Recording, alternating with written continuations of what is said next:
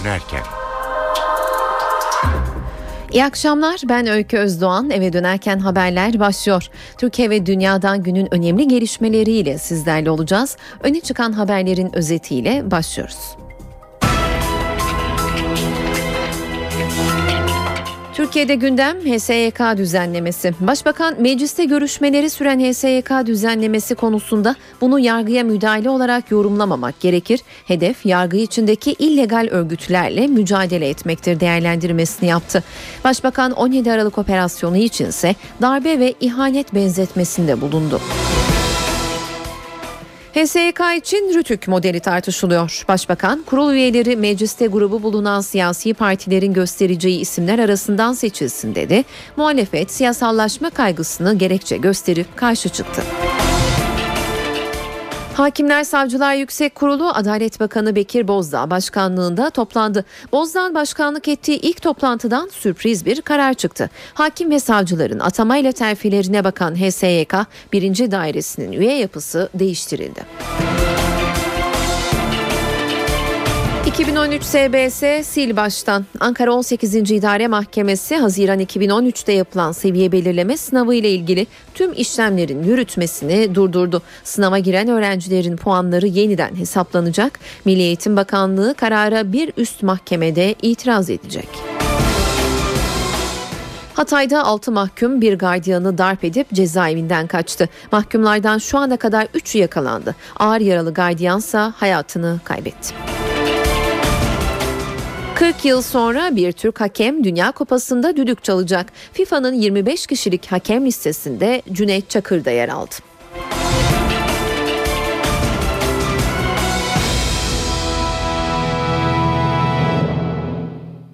Siyasetin gündemi 17 Aralık yolsuzluk operasyonu ve HSYK düzenlemesi. Başbakan Erdoğan'dan bu iki başlıkla ilgili yeni açıklamalar geldi. Başbakan operasyonun yolsuzluk kılıfına gizlenmiş bir darbe girişimi olduğunu savundu. Başbakan HSYK'nın yapısını değiştirmeyi amaçlayan kanun teklifine ilişkinse bu yargıya müdahale değil yargı içindeki illegal örgütlenmeye yönelik mücadeledir değerlendirmesini yaptı. Bu ihanet şebekeleri Türkiye'nin uluslararası teröre destek verdiği algısını yaymak için alçakça bir kampanya yürütüyorlar. Bizim için terör sadece terördür. Yok El-Kaide'ymiş, yok En-Nusra'ymış, yok şuymuş, yok buymuş. Hepsi bizim karşımızdadır. Biz onların karşısındayız. Başbakan Recep Tayyip Erdoğan, yolsuzluk ve rüşvet operasyonuyla Türkiye'nin uluslararası teröre destek verdiği algısının yaratılmak istendiğini savundu. Bunun yolsuzluk operasyonu görünümünde bir darbe girişimi olduğunu özellikle vurgulamanızı sizlerden rica ediyorum. Bu örgütün devlet kurumlarında örgütlenerek inşa ettiği korku imparatorluğunun iyi anlaşılması ve iyi anlatılması gerekiyor. Başbakan Recep Tayyip Erdoğan 6. Büyükelçiler Konferansı'nda Türkiye'nin yurt dışında görev yapan büyükelçilerine seslendi. Operasyonu ihanet olarak niteledi. 17 Aralık süreci bir paket içinde birkaç hedefi vurmayı amaçlayan bir süreçtir. Ambalajda yolsuzluk iftirası varken paketin içinde aleni sabotaj olduğu bugün artık net bir şekilde ortaya çıktı. Başbakan, HSYK'nın yapısını değiştirmeyi amaçlayan kanun teklifine Avrupa Birliği'nden yöneltilen eleştirilere ise sert yanıt verdi. Yargıya müdahale değil, yargı içindeki illegal örgütlenmeye yönelik bir mücadeledir. Avrupa Birliği üyesi ülkelerde basit bir örnek veriyorum. HSYK ile ilgili oturmuş bir sistem yokken her ülke kendine has, kendine ait bir HSYK düzenlemesi yaparken Türkiye'nin HSYK düzenlemesi üzerinde bir beyanatta, bir açıklamada bulunmak kimsenin haddine değildir. HSYK krizinin aşılması için devreye giren Cumhurbaşkanı Abdullah Gül tartışma ile ilgili ilk kez görüşlerini paylaştı. Gül HSYK değişikliğinin anayasayla yapılmasının daha doğru olacağını söyledi. Avrupa Birliği kriterleri esas alınmalı diyen Gül mevcut teklifle ilgili çekincelerini başbakana da ilettiğini söyledi. Yargı ile ilgili bu sıcak tartışmalar yaşanırken ben bunların Türkiye zarar vermeden aşılmasını bir anayasa değişikliğiyle daha doğru olacağını düşündüm. İktidar ve muhalefetin işbirliğiyle bu konu eğer bir neticeye ulaştırılırsa, çözülürse karşı karşıya kaldığımız problem bu sadece bu problemin çözümü değil, bütün Türkiye'de çok pozitif bir psikoloji oluşturur. Hakimler Savcılar Yüksek Kurulu ile ilgili tıkanıklığın oradaki üyelerin nasıl seçimiyle ilgili noktada kaldığını gördüm. Türkiye'de kuvvetler ayrılığı tabii ki prensibi var. Yürütmenin, yasamanın ve yargının e, alanları ayrı ayrıdır. Ama hepsinin ahenk içerisinde çalışması da bir devlet düzeninin ihtiyacıdır. Zaman zaman bu konularda sorunlar çıkarsa bunlar da konuşularak, görüşülerek halledilecek meselelerdir. Ümit ederim ki bu köklü bir şekilde e, çözülür. E, bütün bunlar olmazsa tabii ki bu taslakla ilgili de bazı e, değişikliklerin yapılması e, düşüncemi hükümetle, Sayın Başbakan'la onlarla da paylaştım. Sıcak bir gelişmeyi aktaralım. İstanbul Fatih'te bir binada çökme meydana geldi. Enkaz altında yaralılar olduğu belirtiliyor. İtfaiye ekipleri şu sıralarda yaralılara ulaşmaya çalışıyor. Ayrıntılar elimize ulaştıkça biz de sizlere eve dönerken haberlerde aktarmaya devam edeceğiz.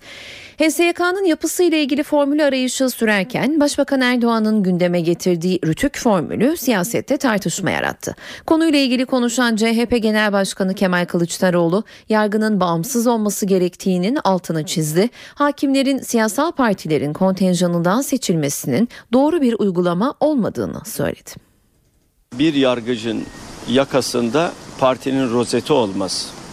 Yargıç tarafsız ve bağımsız olmak zorundadır. Rütük'te görev yapanlar siyasal partilerin kontenjanlarından seçiliyorlar. Dolayısıyla e, hakimlerin siyasal partilerin kontenjandan seçilmesi doğru bir uygulama değil. Yargıç bağımsız olmalı, yargıç tarafsız olmalı. Bu sadece bizim ülkemiz için geçerli bir kural değil. Bu hukukun evrensel kuralıdır ve bu kurala hepimiz uymak zorundayız. Eğer ayaklarımızın altından demokrasi kayıyorsa, güçler ayrılığı ilkesi yok ediliyorsa, yargıçlar bir siyasal partinin arka bahçesi haline dönüştürülecekse e, bu sorunla hepimizin ortak mücadele etmesi gerekiyor. MHP Grup Başkan Vekili Oktay Vural da partisinin Rütük modeline sıcak bakmadığını açıkladı. Vural partili yargıç olmaz diyor. Mümkün mü? Mümkün mü? Bir kere e, yargı e, ayrı bir erktir. Kuvvetler ayrı prensip vardır. Rütük e, doğrudan doğruya yürütmenin içerisinde bir erktir. E, dolayısıyla hakimler ve savcılar yüksek kurulunun bağımsız ve tarafsız olmasını temin etmemiz gerekirken e, Rütük modeliyle hakimler savcılar yüksek kurulunun idareye bağlanma esası ortaya konmaktadır. Kaldı ki Rütük modelinde çok sağlıklı bir model olduğunu düşünmemiz mümkün değil. Muhalefetin orada temsilcisi olmakla birlikte Rütük'ün maalesef e, yayınlarda e, çok objektif davranmadığını gösteriyoruz. E, böyle bir şey olabilir mi? Milliyetçi Hareket Partisi'nin hakimler savcılar yüksek kurulunda temsilcisi olacak. Ondan sonra ne yapacağız? Hamili kart davacımızdır. Lütfen bir hakim ayarlayın. Savcı ayarlayın. Parti hakimi olur mu? Yani bu Türkiye'yi hukuk devletinden büsbütün götürecek bir şeydir. Yani gerçek sapla saman karıştırılmıştır. Hepimiz hep beraber birlikte hukuk devletine sahip çıkmamız lazım. Demokrasiye sahip çıkmamız lazım. Yargının kendi içindeki sorunları kendisinin çözmesine imkan vermek lazım.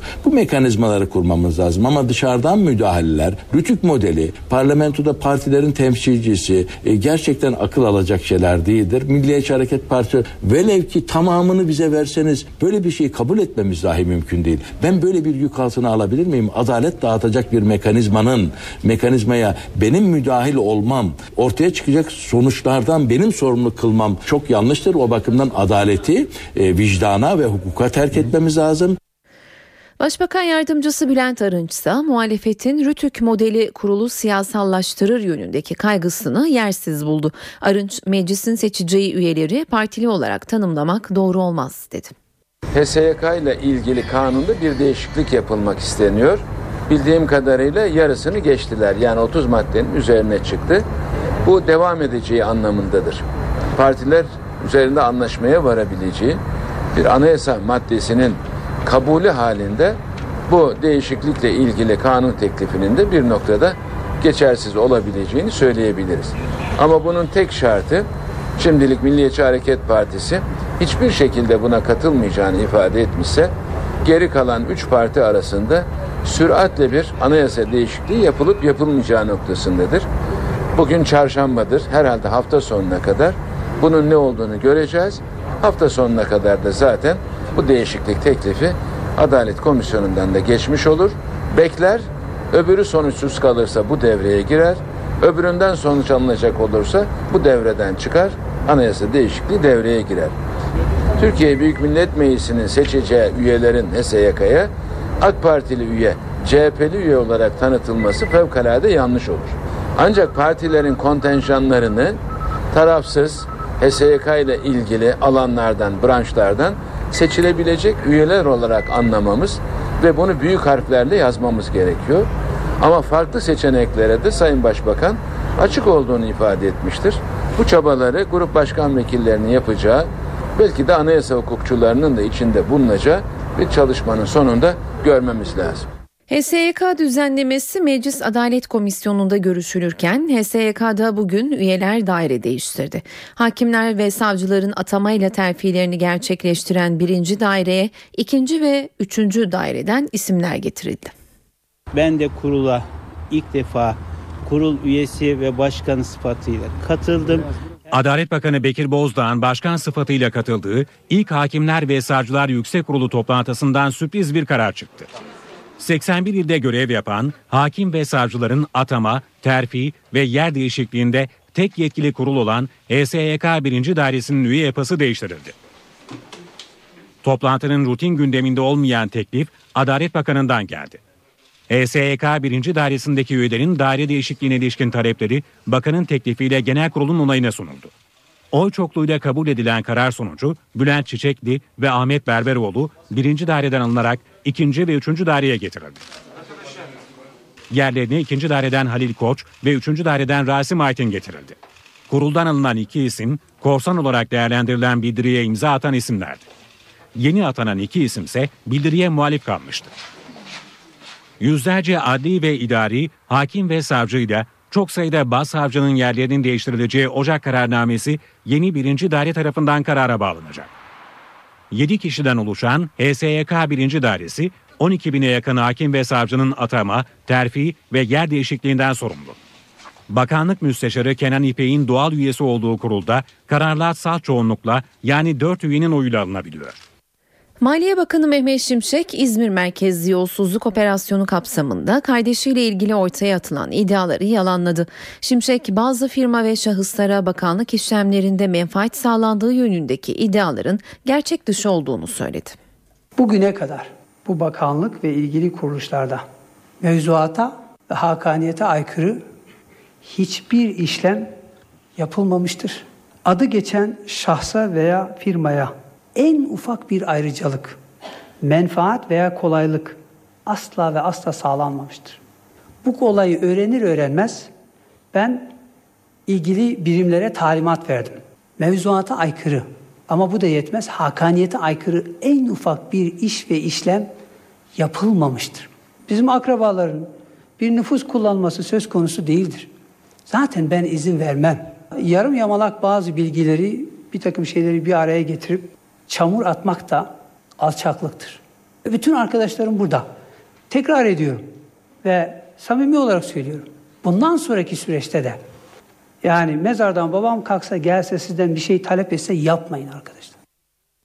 Yolsuzluk ve rüşvet operasyonunun ardından polis üst yönetimindeki görevden almalar devam ediyor. Emniyet Genel Müdürlüğü'nde kaçakçılık ve organize suçlarla mücadele dairesinde 6 şube müdürü görevden alındı. Görevden alınan 6 isim polis okulu ve trafik şube gibi pasif görevlere getirildi.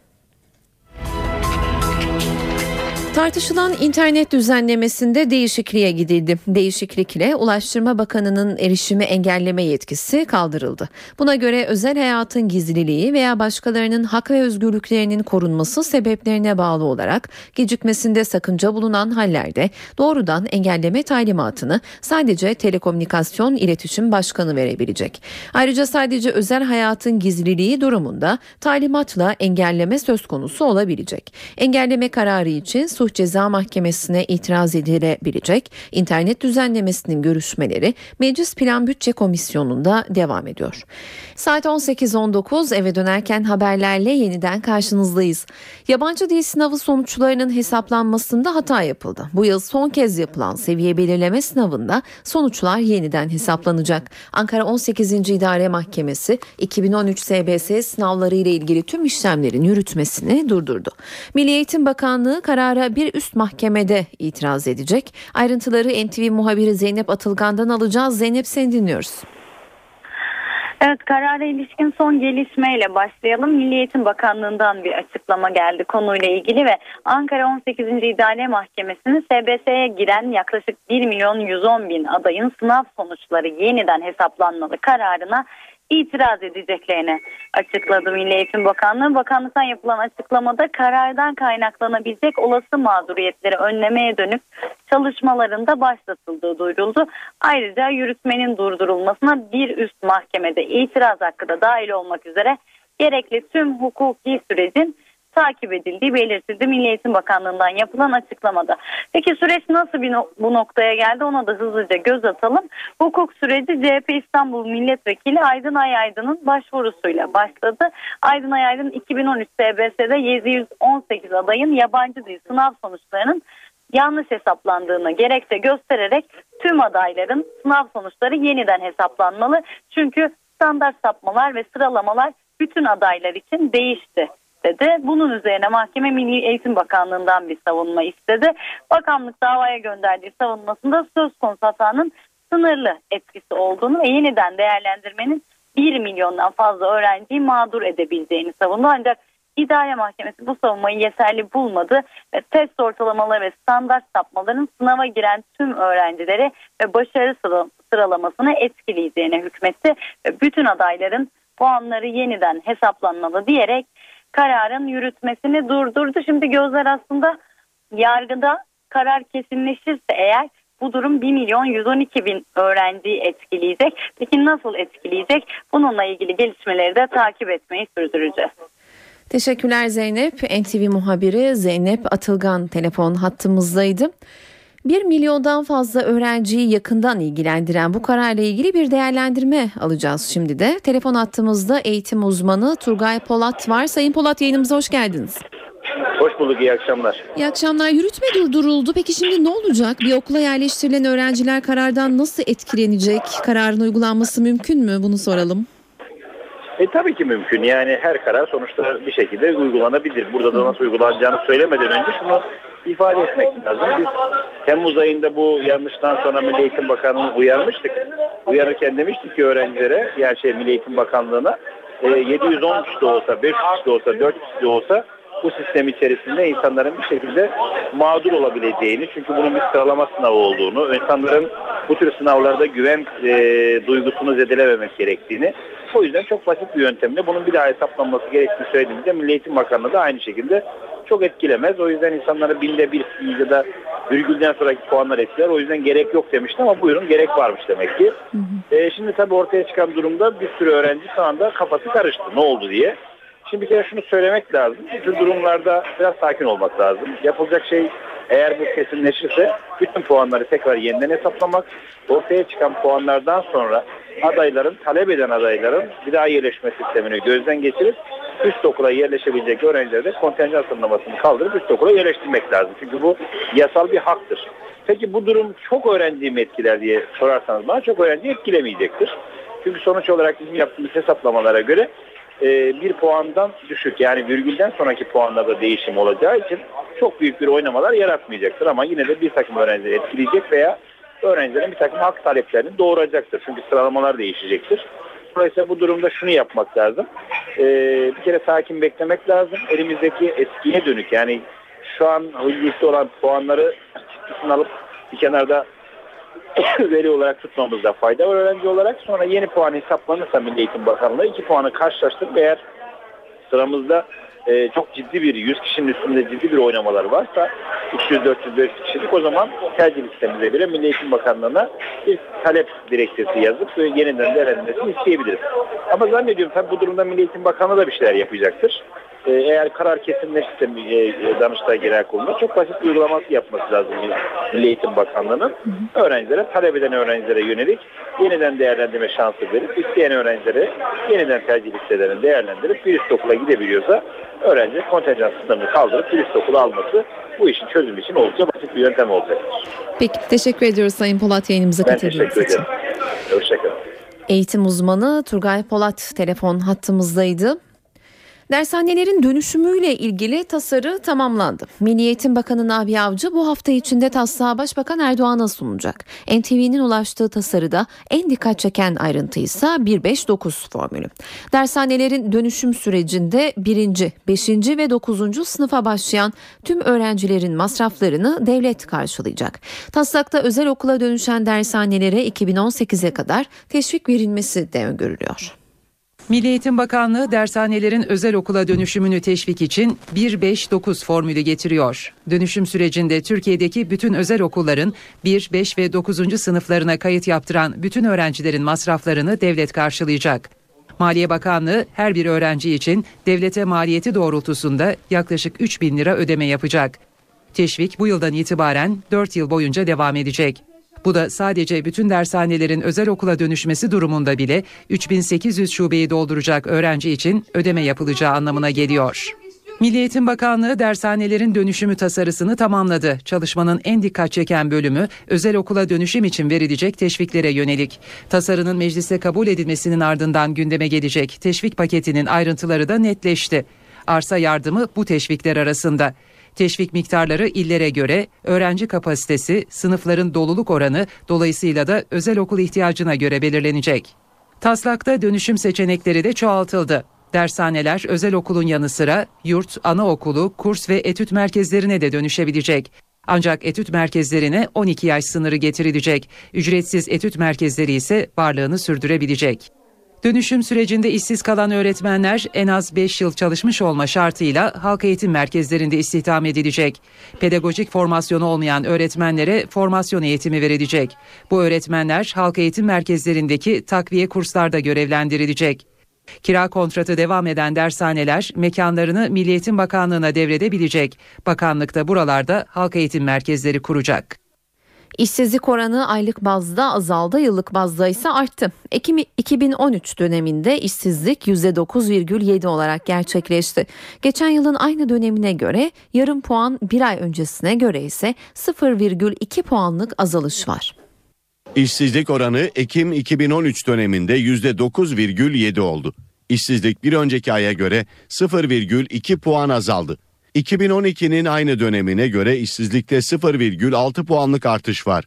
Türkiye İstatistik Kurumu verilerine göre Ekim itibariyle kayıtlı işsizlerin sayısı ise 2 milyon 743 bin kişi. İşsiz sayısı bir aylık dönemde 88 bin kişi azaldı.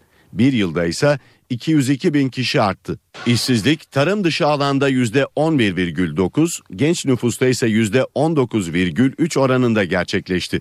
Ekim itibariyle Türkiye'de istihdam edilenlerin %23,5'u tarımda çalışıyor. Çalışanların yarısına yakını hizmetler sektöründe istihdam ediliyor. Sanayide çalışanların oranı %19,1, inşaat sektöründe çalışanların oranı ise %7,6. Ekim döneminde kayıt dışı çalışanların oranı 3,4 puan azaldı. Hem erkek hem kadınların iş gücüne katılım oranlarında da küçük de olsa düşüş görüldü. Ekonomi başlığıyla devam edelim. Bu sefer başlık vergi ve bütçe. Maliye Bakanı Mehmet Şimşek yeni bir vergi artışı gündemimizde yok ancak durum şartlara göre değerlendirilebilir dedi. Şimşek 17 Aralık operasyonunun ekonomik büyümeyi olumsuz etkileyecek riskleri artırdığını da söyledi. E, Şu an itibariyle biz tedbirlerimizi almış durumdayız. Yani bütçe ayaklı bir tedbir gündemde değil. Ha yarın bir gün şartlar çok değişir. Yani vergiler şu veya bu şekilde aşağı veya yukarı yönlü oynayabilir. Maliye Bakanı Mehmet Şimşek şu an için yeni vergi yok dedi. Ama gelecek için ihtiyatlı konuştu. İlave bir makro tepki için çok erken. Yani bu önümüzdeki iki, iki buçuk ayı bu şekilde tabii ki götüreceğiz. Ama sonrasında tabii ki oturup resme bakılacak. Şimşek 2013 bütçe sonuçlarını açıklamak için kameraların karşısına geçti. Geçen yıl başında bütçenin 34 milyar liralık açık vermesi öngörülmüştü. Yıl sonuna gelindiğinde ise daha olumlu bir performansla bütçe 18,4 milyar lira açık verdi. Bu çok ciddi bir başarıdır. 1985'ten beri elde edilen en düşük üçüncü açık olduğunu ifade etmek istiyorum. Şimşek 2013 ekonomik büyümesinin son tahminleri aşarak %4 civarında olacağını vurguladı. Ancak bu yıl için bir uyarı da yaptı. 17 Aralık sonrasında başlayan siyasi aslında operasyonların büyümeye yönelik aşağı yönlü riskleri artırdığı ortadadır. Maliye Bakanı 4C'liler ve taşeron işçilerin devlet memuru kadrosuna alınmasının gündemde olmadığını da açıkladı. Şimşek 17 Aralık sonrasında bakanlığındaki görev değişikliğine ilişkin yorumları da değerlendirdi. O arkadaşları getirirken bir idari karar vermiştim. O arkadaşları biz görevden aldığımızda da idari bir karar çerçevesinde değerlendiriyoruz. NTV Radyo Hatay'da 6 mahkum bir gardiyanı darp edip cezaevinden kaçtı. Mahkumlardan şu ana kadar 3'ü yakalandı. Ağır yaralı gardiyansa hayatını kaybetti. 6 mahkum gardiyanı darp edip yarı açık cezaevinden firar etti. Üçü firarın ilk gününde yakalandı. Yarı açık cezaevindeki mahkumlar çay ocağında çalışıyordu. Hırsızlık, gasp ve yaralama suçlarından hüküm giyen 6 kişi iddiaya göre kaçış için önceden plan yaptı. Çalıştıkları çay ocağının penceresindeki demir parmaklıkları kestiler. Sabaha karşı da infaz koruma memuru Fayat Toy'u darp ettiler. Hükümlüler pencereden atlayarak binadan çıktı ve tel örgüleri aşarak firar etti. 60 yaşındaki gardiyan ağır yaralı olarak hastaneye kaldırıldı. Firar eden hükümlülere yardımcı olduğu şüphesiyle bir gardiyan gözaltında. Samandağ'daki güvenlik önlemlerini artıran jandarma ve polis ekipleri kontrol noktaları kurdu. Mahkumların Suriye'ye kaçma ihtimaline karşı sınırda güvenlik önlemleri artırıldı. Firari hükümlerden biri pişman olarak polise teslim oldu. Bir hükümlü Samandağ merkezinde yakalandı, diğeri ise Antakya'daki evinde bulundu. Diğer firariler ise hala aranıyor. Gezi Parkı olaylarının sembollerinden kırmızılı kadın Ceyda Sungur'a biber gazı sıkan polis memuru Fatih Zengin'e dava açıldı. İstanbul Cumhuriyet Savcısı Adnan Çimen tarafından hazırlanan iddianamede 23 yaşındaki polis memuru Fatih Zengin görevi kötüye kullanmakla suçlanıyor. İddianamede polis memuru Zengin'in Ceyda Sungur'a yakın mesafeden ve yüzünü hedef alarak biber gazı sıktığı belirtiliyor. Gaza maruz kalan Sungur'un olay öncesi ve sonrasında herhangi bir taşkınlık yapmadığı da iddianamede yer alıyor.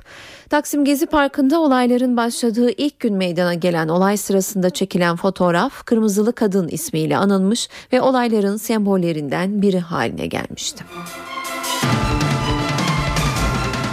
Kars'ta bir kişi boşanma davası açan eşini köy minibüsünde av tüfeğiyle vurarak öldürdü. 36 yaşındaki Gülsenem Yuca ikinci evliliğini halasının oğlu Yaşar Yuca ile yaptı. Bir yıllık evli çift arasında tartışmalar başladı. Kadın evi terk etti, boşanma davası açtı. Karısıyla köy minibüsünde karşılaşan Yaşar Yuca yolcuların gözü önünde av tüfeğiyle eşini vurdu. Zanlı yakalanarak gözaltına alındı. Uludağ'da kayalıklara düşen genci kurtarmaya giden Akut ekibi beklenmedik bir durumla karşılaştı. Ekipler yaralı genci kurtarırken 9 aydır haber alınamayan Üsteğmen Kazım Topaç'a ait silah ve dizüstü bilgisayarı buldu. Bölgede geniş çaplı arama başlatıldı. İntihar vakası için Uludağ'a çıkan Akut ekibi 9 ay önce kaybolan Üsteğmen'in izini buldu.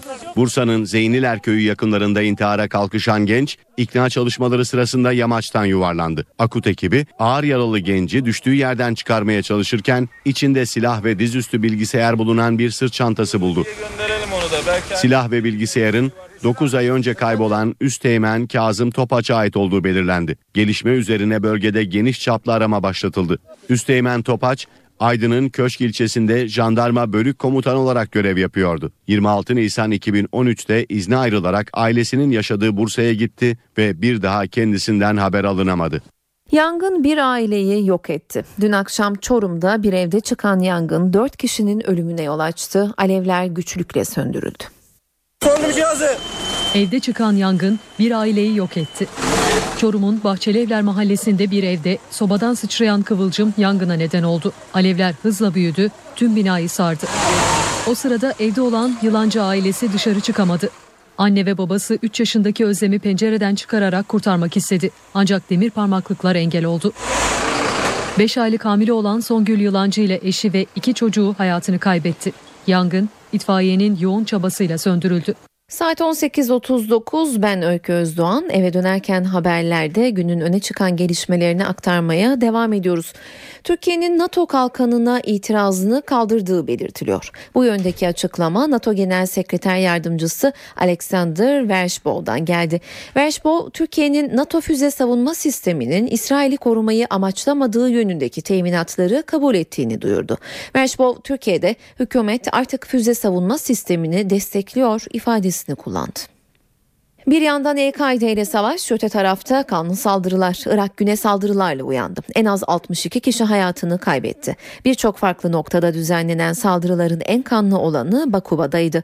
Saldırganlar önceki gün ölen iki Sünni militanla ilgili taziye çadırını hedef aldı. Saldırıda 18 kişi hayatını kaybetti. Bağdat'ın Şii mahallelerinde bomba yüklü 6 araçla meydana gelen patlamalarda ise 37 kişi öldü. Mezhepsel çatışmaların tırmandığı Irak'ta ordu geçen haftadan bu yana Ambar e- eyaletinde bazı bölgelerin kontrolünü ele geçiren El-Kaide militanlarıyla savaşıyor. Amerika Birleşik Devletleri'nin eski savunma bakanı Robert Gates anılarını yazdı. Kitabında Türkiye ile ilgili bir bölüme de yer verdi. Silahlı kuvvetlerin 2008'de Kuzey Irak'a düzenlediği sınır ötesi harekatı anlattı. Gates bu olayla ilgili dikkat çeken ifadeler kullandı. Amerika Birleşik Devletleri eski savunma bakanı Robert Gates ülkesinde büyük yankı uyandıran anı kitabında Türkiye'ye de yer verdi. Gates Görev adlı kitabının Irak Savaşı ile ilgili bölümünde 2007'de Ankara ile PKK nedeniyle yaşanan sıkıntılara değindi. Robert Gates, Türkiye'nin o dönemde sınır ötesi operasyonlara başlamasıyla durumun kontrolden çıkmaya çok yakın hale geldiğini belirtti. Eski ABD Savunma Bakanı, Türk ve Amerikalı askerlerin yanlışlıkla çatışmasını engellemek için bizi önceden uyarmalarını istedik. Ancak Türkler genelde sonradan haber veriyordu dedi. Robert Gates 2008'de başlatılan Güneş sınır ötesi harekatının ardından Ankara'ya gittiğini belirterek mesajım operasyonu hemen durdurun askerlerinizi çekin şeklindeydi. Dört kez tekrarladım mesajı aldılar dedi.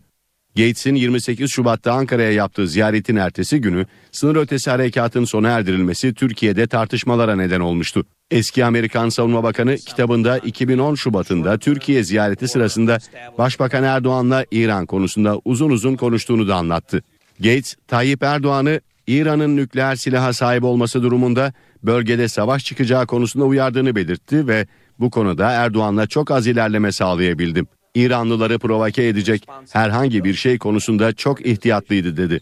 Robert Gates kitabında Mavi Marmara olayında İsrail'in hatalı olduğu görüşüne de yer verdi. Mesih benzetmesi ilişkileri gerdi. İsrail Savunma Bakanı Moshe Yalon'un Amerikan Dışişleri Bakanı John Kerry için saplantılı Mesih gibi hareket ediyor. Nobel ödülü alsa da bizi rahat bıraksa dedi. Washington tepki gösterdi. Yorumu saldırgan ve uygunsuz bulundu. Bu çıkış üzerine Yalon özür dilemek zorunda kaldı. Amerika Birleşik Devletleri ve İsrail ilişkilerinde İsrail Savunma Bakanı'nın sözleri üzerine kısa süreli fırtına yaşandı. Fırtınanın nedeni İsrail Savunma Bakanı Moshe Yalon'un Orta Doğu barışı için mekik diplomasisi yürüten Amerikan Dışişleri Bakanı John Kerry ile ilgili sözleriydi. Yalon, Kerry için saplantılı, Mesih gibi hareket ediyor. Nobel ödülü alsa da bizi rahat bıraksa deyince Washington'dan tepki gecikmedi. Eğer bunlar doğruysa bu yorumları saldırgan ve uygunsuz buluyoruz. Özellikle de Washington'ın İsrail'in güvenliği için yaptıkları karşısında. İsrail Başbakanı Benjamin Netanyahu gerilimi düşürmek için Obama yönetimiyle işbirliği yaptıklarını vurguladı. Netanyahu krizin mimarı Yalon'la da uzun bir görüşme gerçekleştirdi. Ve sonunda İsrail Savunma Bakanı'ndan özür geldi. Yalon, Kerry aşağılanma hissettiyse ondan özür diliyoruz ifadesini kullandı. Bazı tartışmalarda farklılıklar ve anlaşmazlıklar varsa ve var, bunlar İsrail ve Amerika Birleşik Devletleri'nin ortak çıkar ve hedeflerini etkilememeli. Filistinlilerle barış görüşmelerine şüpheli yaklaşan Yalon, Yahudi yerleşim birimleri inşa edilmesinin de güçlü bir destekçisi konumunda. Suriye'de şiddet hız kesmiyor. Şam yakınlarındaki çatışmalar nedeniyle ise farklı bir dram yaşanıyor. Dramın adı açlık. Çatışmalar nedeniyle su ve gıda ulaşmayan Yermuk mülteci kampında son iki ayda yaklaşık 40 kişi açlıktan öldü. Suriye'de başkent Şam'a sadece 8 kilometre uzaklıkta bir insanlık dramı yaşanıyor. 10 binden fazla Filistinlinin yaşadığı Yermuk mülteci kampı açlığın pençesinde. Muhalifler ve Suriye ordusu arasındaki çatışmaların ortasında kalan Yermuk'ta iki ayda onlarca kişinin açlık nedeniyle öldüğü belirtiliyor. Bölgede yaşayanlar çaresiz. Yiyecek tek bir lokma kalmadığını söylüyorlar. Açlıktan teker teker ölüyoruz. Buna daha ne kadar katlanabiliriz? Yardım kuruluşları Yermuğa gıda ve ilaç yardımında bulunmak için birçok kez yola çıktı. Konvoylar ya yağmalandı ya da açılan ateş sonucu geri dönmek zorunda kaldı. Sadece Yermuk'ta yaşayanlar değil, Suriye nüfusunun yarısı da insani yardıma muhtaç halde. Birleşmiş Milletler Genel Sekreteri Ban Ki-moon, Suriye'deki açlığın ciddi bir insanlık felaketine dönüştüğünü söyledi. Ban Ki-moon, uluslararası topluma yardım çağrısında bulundu. Fransa'da Cumhurbaşkanı François Hollande'ın aşk hayatı gündemden düşmüyor. Hollande'ın birlikte olduğu iddia edilen aktris Julie Gaye'nin 4 aylık hamile olduğu yönünde dedikodular var. Ayrıntıları NTV muhabiri Kayhan Karaca'dan alacağız. Kayhan? Evet, e, François Hollande uzun iki buçuk saatlik maraton e, basın toplantısında bu konuya çok az değindi. Daha doğrusu bu konuyla ilgili soruları e, geri çevirmişti. E, bu benim e, özel hayatımdır şeklinde konuşarak ancak François Hollande öyle görünüyor ki e, özellikle cemiyet medyasının e, bu konuyla ilgili haber iştahını dindirebilmiş değil. E, dünden bu yana çok sayıda dedikodu ve söylenti dolaşmaya başladı ki bunlardan bir tanesi de e, François Hollande'ın e, beraber olduğu söylenen yeni sevgilisi aktris Julie Gaye'nin 4 aylık hamile olduğu şeklinde aslında bu iddia iki gün önce e, Amerikan basını tarafından dile getirilmişti ancak e, şu anda hiçbir kaynak bunu ne yalanlamış ne de doğrulamış değil. Julie Gaye de zaten e, ortalıkta görünmüyor. Ancak Julie Gaye cephesinden bugün e, dolaylı olarak bir haber geldi. Kendisinin e, e, François Hollande'dan ilişkisini ortaya çıkaran e, Closer adlı cemiyet dergisine dava açacağına şeklinde bu da e, kendisi tarafından doğrulanmış e, şeklinde doğrulanmış durumda şu anda. Öte yandan e, François Hollande'ın resmi sevgilisi e, Cuma gününden bu yana e, hastanede olan, Paris'te bir hastanede olan Valérie Trierweiler'in gerçekten neden hasta olduğuna, hastanelik olduğuna dair e, bugün çok daha ayrıntılı bilgiler e, ortaya çıktı. E, Valérie Trierweiler'in pazar günü e, aşırı yorgunluk nedeniyle hastaneye kaldırıldığı söylenmişti. Ancak e, Fransız basını bugün e, Trierweiler'in aslında e, çok ciddi bir sinir krizi geçirdiği için e, haberi öğrendikten sonra Cuma günü hastaneye kaldırıldığını e, yazdı. E, ve e, gazetelerden e, edindiğimiz bilgiye göre e, Valerie Trierweiler Cuma sabahı e, dergiyi, o Closer adlı dergiyi görünce e, François Hollande'ın Elize Sarayı'ndaki e, bürosuna girerek çok öfkelen, öfkelendi. Bunu Elize Sarayı'nın çalışanlarının da e, Fransız medyasına e, teyit ettiklerini öğreniyoruz bugün e, yazılanlardan.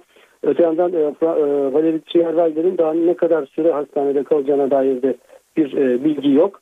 E, Trierweiler'in biyograf, e, biyografisini yazan Fransız gazeteciler kendisinin çok e, sağlam bir karaktere sahip olduğunu söylüyorlar. E, ve intikam alacağından e, bahsediyorlar. Bunu da e, bugün Fransız basını aktarıyor. Öte yandan bir başka e, Fransız gazetesi Le Canard Enchaîné biraz birkaç ay daha e, geriye giderek geçen yaz olup bitenleri e, Hollanda e, resmi sevgilisi Trierweiler arasındaki olup bitenleri bugün e, aktardı. Buna göre Trierweiler e, geçen yaz tatilini e, Yunanistan'da geçirmiş başına. Ve e, kendisi Yunanistan'da tek başına tatildeyken e, François Hollande'da e, seçim bölgesi olan e, Tül kasabasında aktris sevgilisi, yeni sevgilisi Gaye ile berabermiş. Hatta beraberliklerinin fotoğraflandığı foto muhabirler tarafından ve bu foto, foto muhabirlerine bu fotoğrafları yayınlamamaları için e, tehdit e, yapıldığı da e, bugün Fransız basınında yer alan haberler arasında. Le Parisien gazetesi de bugün e, Valérie Trierweiler'in şu anda hastanede olan Valérie Trierweiler'in hızlı tren çarpmışa döndüğünü e, aktarıyor. E, hatta gazete e, Hollanda'nın eski eşi e, ki o da e, e bir siyasetçi 2007, 2007 yılında Sosyalist Parti'nin e, Cumhurbaşkanı adayıydı. E, Valérie Trierweiler'in e, Hollanda'nın eski eşi Ségolène Royal'le e, geçtiğimiz haftalarda bir barışma girişimi e, de bulunduğu ancak Ségolène Royal'in bunu reddettiği de bugünkü haberler arasında. Dolayısıyla e, dedikodular ve söylentiler devam ediyor. Öyle görünüyor ki daha birkaç hafta daha böyle devam edecek. Bir dün François Hollande yaptığı açıklamada Şubat ayındaki Amerika Birleşik Devletleri gezisinden önce konu hakkında Fransız kamuoyuna ayrıntılı bilgi vereceğini söylemişti. Şimdi herkes bu bilgilere kilitlenmiş durumda. Teşekkürler Kayhan. NTV muhabiri Kayhan Karaca'yı dinledik. NTV Radyo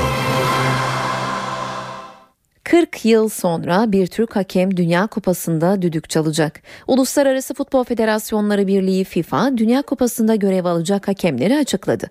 Listede yer alan 25 isim arasında Türk hakem Cüneyt Çakır da var. 40 yıl aradan sonra Dünya Kupası'na bir Türk hakem gidiyor. FIFA Cüneyt Çakır'ı Dünya Kupası'nda görevlendirdi. Çakır'a Türk hakemler Bahattin Duran ve Tarık Ongun eşlik edecek. Karar Cüneyt Çakır için sürpriz değil. Çakır daha önce aralarında Euro 2012 yarı final mücadelesinin de olduğu birçok önemli karşılaşmada görev alan bir isim. Çakır son olarak Ukrayna-Fransa Dünya Kupası playoff karşılaşmasını yönetti. 2011'den beri UEFA'nın elit hakem kategorisinde yer alan Cüneyt Çakır, Uluslararası Futbol İstatistikleri Federasyonu tarafından dünyanın en iyi 5 hakeminden biri olarak gösteriliyor. Dünya Kupası'nda düdük çalan son Türk hakemi Doğan Babacan'dı. Babacan 1974 Dünya Kupası'nda Almanya-Şili maçını yönetti. Saat 19 ben Öykü Özdoğan eve dönerkenin yeni bölümüne günün öne çıkan gelişmelerinin özetiyle başlıyoruz. İstanbul Fatih'te iki katlı bina bilinmeyen bir nedenle çöktü. Olay yerine çok sayıda itfaiye ve sağlık ekibi sevk edildi. Türkiye'de gündem HSYK düzenlemesi. Başbakan mecliste görüşmeleri süren HSYK düzenlemesi konusunda bunu yargıya müdahale olarak yorumlamamak gerekir. Hedef yargı içindeki illegal örgütlerle mücadele etmektir değerlendirmesini yaptı. Başbakan 17 Aralık operasyonu içinse darbe ve ihanet benzetmesinde bulundu. HSYK için Rütük modeli tartışılıyor. Başbakan, kurul üyeleri mecliste grubu bulunan siyasi partilerin göstereceği isimler arasından seçilsin dedi. Muhalefet siyasallaşma kaygısını gerekçe gösterip karşı çıktı. Savcılar Yüksek Kurulu Adalet Bakanı Bekir Bozdağ başkanlığında toplandı. Bozdağ'ın başkanlık ettiği ilk toplantıdan sürpriz bir karar çıktı. Hakim ve savcıların atamayla terfilerine bakan HSYK 1. Dairesi'nin üye yapısı değiştirildi. Ankara 18. İdare Mahkemesi Haziran 2013'te yapılan seviye belirleme sınavı ile ilgili tüm işlemlerin yürütmesini durdurdu. Sınava giren öğrencilerin puanları yeniden hesaplanacak. Milli Eğitim Bakanlığı karara bir üst mahkemede itiraz edecek. 40 yıl sonra bir Türk hakem Dünya Kupası'nda düdük çalacak. FIFA'nın 25 kişilik hakem listesinde Cüneyt Çakır da yer aldı.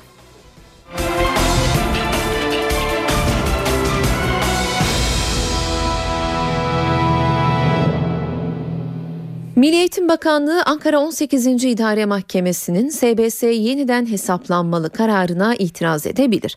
Bakanlıktan yapılan açıklamada karardan kaynaklanabilecek olası mağduriyetleri önlemeye dönük çalışmalar başlatılmıştır denildi. Açıklamada Ankara 18. İdare Mahkemesi'nin kararına ilişkin yürütmenin durdurulmasına bir üst mahkemede itiraz hakkı da dahil olmak üzere gerekli tüm hukuki süreçlerin takip edildiği belirtildi. Mahkemenin kararıyla geçen yıl Haziran ayında yapılan seviye belirleme sınavına giren 1 milyon 112 bin adayın sınav sonuçlarının yeniden hesaplanması öngörülüyor. İstanbul Fatih'te akşam saatlerinde bir bina çöktü. Binadan bir kişi yaralı olarak çıkartıldı. Son bilgileri NTV muhabiri Burak Özcan'dan alıyoruz. Bir kişi enkazdan yaralı olarak çıkartılmış durumda. Arama çalışmaları büyük ölçüde tamamlandı. Az önce e, olay yerine ulaştık biz de itfaiyelerin ayrıldığını gördük olay yerinden. Fatih Hacı Gıyasettin Mahallesi Yoğurtçuoğlu sokakta meydana geldi olay. Ee, yaklaşık 5 liraların 3 katlı bir bina çöktü. Tabi olayın hemen ardından itfaiye ve sağlık ekibi olay yerine sevk edildi. Arama kurtarma çalışmaları devam etti. Bir kez daha altı çizelim. Bir kişi yaralı olarak çıkartıldı enkazdan ve e, Samatya götürüldüğünü biliyoruz. Çökmeye neyin sebep olduğu e, henüz belli değil ancak bina hakkında bilgi verirsek 3 katlı e, eski bir bina. Hatta e, tarihi eser olarak tescillenmiş bir bina ve binaya girilmemesi için çökme tehlikesi bulunduğu için binanın etrafı çevrilmiş ancak daha sonra Suriyeli bir aile gelerek binaya yerleşmiş ve onlar yaşamaya başlamışlar. Dediğimiz gibi akşam 5 sıralarında çökme meydana geldi. Bir kişi yaralı olarak binadan çıkartıldı. Arama kurtarma çalışmaları da kısa süre önce tamamlandı. Başbakan Erdoğan HSYK'da Rütük benzeri bir yapılanmaya gidilebilir dedi. Öneri siyasette tartışmaya açıldı. Muhalefet modele soğuk bakıyor. Genel görüş partili hakim ve savcı yaratılacağı yönünde. Parlamento içinde grupların kendi gücüne göre aynen Radyo Televizyon Üst Kurulu'nda olduğu gibi sayılarına göre HSYK içerisinde onlar da temsil edilme imkanını bulacaklardır, bulabilirler. Başbakan Recep Tayyip Erdoğan'ın bu çağrısı Ankara'nın yeni tartışma konusu. Başbakan, Hakimler ve Savcılar Yüksek Kurulu üyelerinin de radyo ve televizyon üst kurulunda olduğu gibi mecliste grubu bulunan siyasi partilerin göstereceği isimler arasından seçilmesini önerdi. Erdoğan'ın önerisine AK Parti Grup Başkan Vekili Ahmet Aydın NTV yayınında açıklık getirdi. Hakimler Savcılar Yüksek Kurulu bir yargı makamı değil. Yargılama yapan, muhakeme yapan bir merci değil. Düzenleyici, denetleyici işlem yapan bir idari kuruldur. Bir üst kuruldur. Aslında RTÜ'ye de tam olarak model olarak uyuyor. Yargı bağımsızlığı alakası yok çünkü idari kurulda, idari bir mercide işlem yapıyoruz. Muhalefet partileri ise başbakana ve Rütük modeli önerisine karşı çıkıyor. Şimdi de partili hakime doğru gidiyor tartışmalar. Parti kontenjanından hakim istiyorsa başbakana diyorum ki hakim olmasına da gerek yok. Madem artık cozuttunuz işi parti tüzüğüne, parti programına hakim olsun yeter. Ya Rütük yürütmede HSYK yargıda parti hakimi ve savcıları olacak. Böyle bir rezalet olur mu ya? Bu nasıl bir zihniyettir? Cumhuriyet savcısı yerine AKP savcısı mı olacak? HSYK düzenlemesi Meclis Adalet Komisyonu'nda görüşülürken HSYK'da bugün üyeler daire değiştirdi. Hakimler ve savcıların atamayla terfileri gerçekleştirilen birinci daireye ikinci ve üçüncü daireden isimler getirildi. Ben de kurula ilk defa kurul üyesi ve başkanı sıfatıyla katıldım. Adalet Bakanı Bekir Bozdağ'ın başkan sıfatıyla katıldığı ilk Hakimler ve Savcılar Yüksek Kurulu toplantısından sürpriz bir karar çıktı. 81 ilde görev yapan hakim ve savcıların atama, terfi ve yer değişikliğinde tek yetkili kurul olan HSYK 1. Dairesi'nin üye yapısı değiştirildi. Toplantının rutin gündeminde olmayan teklif Adalet Bakanı'ndan geldi. HSYK 1. Dairesi'ndeki üyelerin daire değişikliğine ilişkin talepleri bakanın teklifiyle genel kurulun onayına sunuldu. Oy çokluğuyla kabul edilen karar sonucu Bülent Çiçekli ve Ahmet Berberoğlu birinci daireden alınarak ikinci ve üçüncü daireye getirildi. Yerlerine ikinci daireden Halil Koç ve üçüncü daireden Rasim Aytin getirildi. Kuruldan alınan iki isim korsan olarak değerlendirilen bildiriye imza atan isimlerdi. Yeni atanan iki isimse bildiriye muhalif kalmıştı. Yüzlerce adli ve idari, hakim ve savcıyla çok sayıda başsavcının yerlerinin değiştirileceği Ocak kararnamesi yeni birinci daire tarafından karara bağlanacak. 7 kişiden oluşan HSYK 1. Dairesi 12 bine yakın hakim ve savcının atama, terfi ve yer değişikliğinden sorumlu. Bakanlık Müsteşarı Kenan İpek'in doğal üyesi olduğu kurulda kararlar salt çoğunlukla yani 4 üyenin oyuyla alınabiliyor. NTV Radyo Kültür sanatla devam ediyoruz eve dönerken haberlere günün etkinliklerinden öneriler var sırada.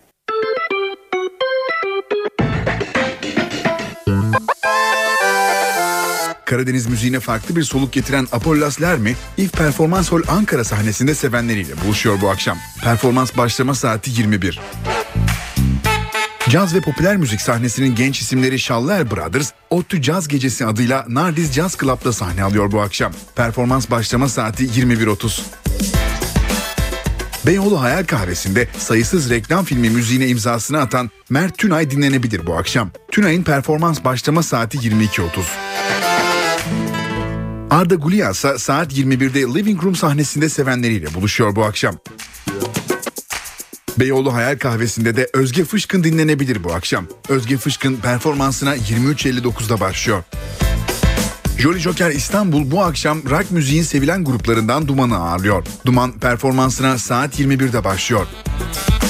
Nazım Hikmet Kültür Merkezi Ankara, klasik müziğin duayen ismi Fazıl Say'ı müzikseverlerle bir araya getiriyor. Fazıl Say performansına saat 20'de başlıyor. Tiyatro severler için de bazı önerilerimiz olacak. Devlet tiyatroları Cevahir sahneleri Salon 2'de herkesin bildiği sırlar sahneleniyor bu akşam. Oyun evlilik kurumu tartışması gibi gözüken ama aslında herkesin kendini tartıştığı, yaşadığı toplumu yargıladığı ve cevapsız soruların içinde boğulduğu bir dünyayı herkesin bildiği sırları anlatıyor. Yavuz Özkan'ın yazdığı, Hidayet Erdinç'in yönettiği oyunda Burak Şentürk ve Ebru Unurtan rol alıyor. Kadın erkek ilişkilerini, aşk ve evliliği konu alan oyun saat 20'de açıyor perdelerini. Caddebostan Kültür Merkezi Küçük Salon'da bir derinin hatıra defteri görülebilir bu akşam. Sınıf atlamaya çalışan bir memurun hikayesini anlatan bir derinin hatıra defteri, soyluların dünyasında kendine yer açmaya çalışan küçük bir memur, sınırlara bölünmüş bir ülkenin çocuğu Poprişkin etrafında anlatılıyor. Poprişkin üstlerine gereken saygıyı göstermesine rağmen kendi alt sınıfından hak ettiği saygıyı göremez. Bu yüzden durmadan bulunduğu konuma lanet eder. Herkes gibi o da kısa yoldan bir üst sınıfa geçmenin hesapları peşindedir. Savaş Mutlu'nun yönetmen koltuğuna oturduğu Gogol'un ölümsüz eseri olan oyunda Erdem Topuz rol alıyor. Oyun saat 20.30'da perdelerini açıyor. Akşam evdeyseniz CNBC'de saat 21'de başlayacak Rizzolian Isles izlenebilir. Öncesinde ise saat 20'de sevilen dizi Hot in Cleveland ekrana gelecek. Star TV'de ise saat 20'de Muhteşem Yüzyıl ekranda olacak. Dönerken haberleri spor gündeminden gelişmelerle noktalıyoruz. Ben Öykü Özdoğan. Yarın akşam aynı saatte karşınızda olacağız. Şimdilik hoşçakalın. Cüneyt Çakır'a büyük gurur. FIFA, Brezilya'da düzenlenecek Dünya Kupası'na Cüneyt Çakır, Vahattin Duran ve Tarık Ongun'un görev yapacağını açıkladı. FIFA, Brezilya'da düzenlenecek Dünya Kupası'na görev yapacak 25 hakem üçlüsünü açıkladı. FIFA kokart hakemimiz Cüneyt Çakır, Avrupa'dan 9 üçlünün yer aldığı listede kendisine yer buldu. Kupada Çakır'ın yardımcılıklarını Bahattin Duran ve Tarık Ongun yapacak. Zekeriya Alp, Cüneyt Çakır'la ne kadar gurur duysak az diye konuştu. Cüneyt Çakır'ın Brezilya'da görev yapacağının açıklanmasının ardından Çakır'la görüştüğünü belirten MHK Başkanı Zekeriya Alp, Çakır'ın haberi antrenman sırasında aldığını söyledi. Merkez Hakem Kurulu Başkanı Zekeriya Alp, hakemlerimizi eleştirenlere en iyi cevabı verdiğimizi düşünüyorum, dedi. FIFA Kokart'ta hakem Cüneyt Çakır'ın Brezilya'da düzenlenecek Dünya Kupası'na görev yapacağının açıklanmasının ardından açıklamalarda bulunan Zekeriya Alp, Çakır'ın başarısından dolayı gurur duyduklarını söyledi. Cüneyt Çakır'ın Türk hakemliğinin yüz akı olduğunu belirten Alp, hakemlerimiz ve Merkez Hakem Kurulu'nu eleştirenlere en iyi cevabı verdiğimizi düşünüyorum. Cüneyt Çakır ülkemiz adına çok önemli bir başarıya imza atmıştır. Ne kadar övünsek az diye konuştu. Zekeriya Alp, Cüneyt Çakır'la görüştüğünü ve Çakır'ın haberi antrenman sırasında aldığını söyledi. Alp, sabahın erken saatlerinde bile çok yoğun çalışıyor. Türkiye'yi temsil edeceği için çok mutlu ve gururlu açıklamasını yaptı. Merkez Hakem Kurulu Başkanı Alp ilerleyen günlerde konuyla ilgili basın toplantısı düzenleyeceklerinde sözlerini ekledi.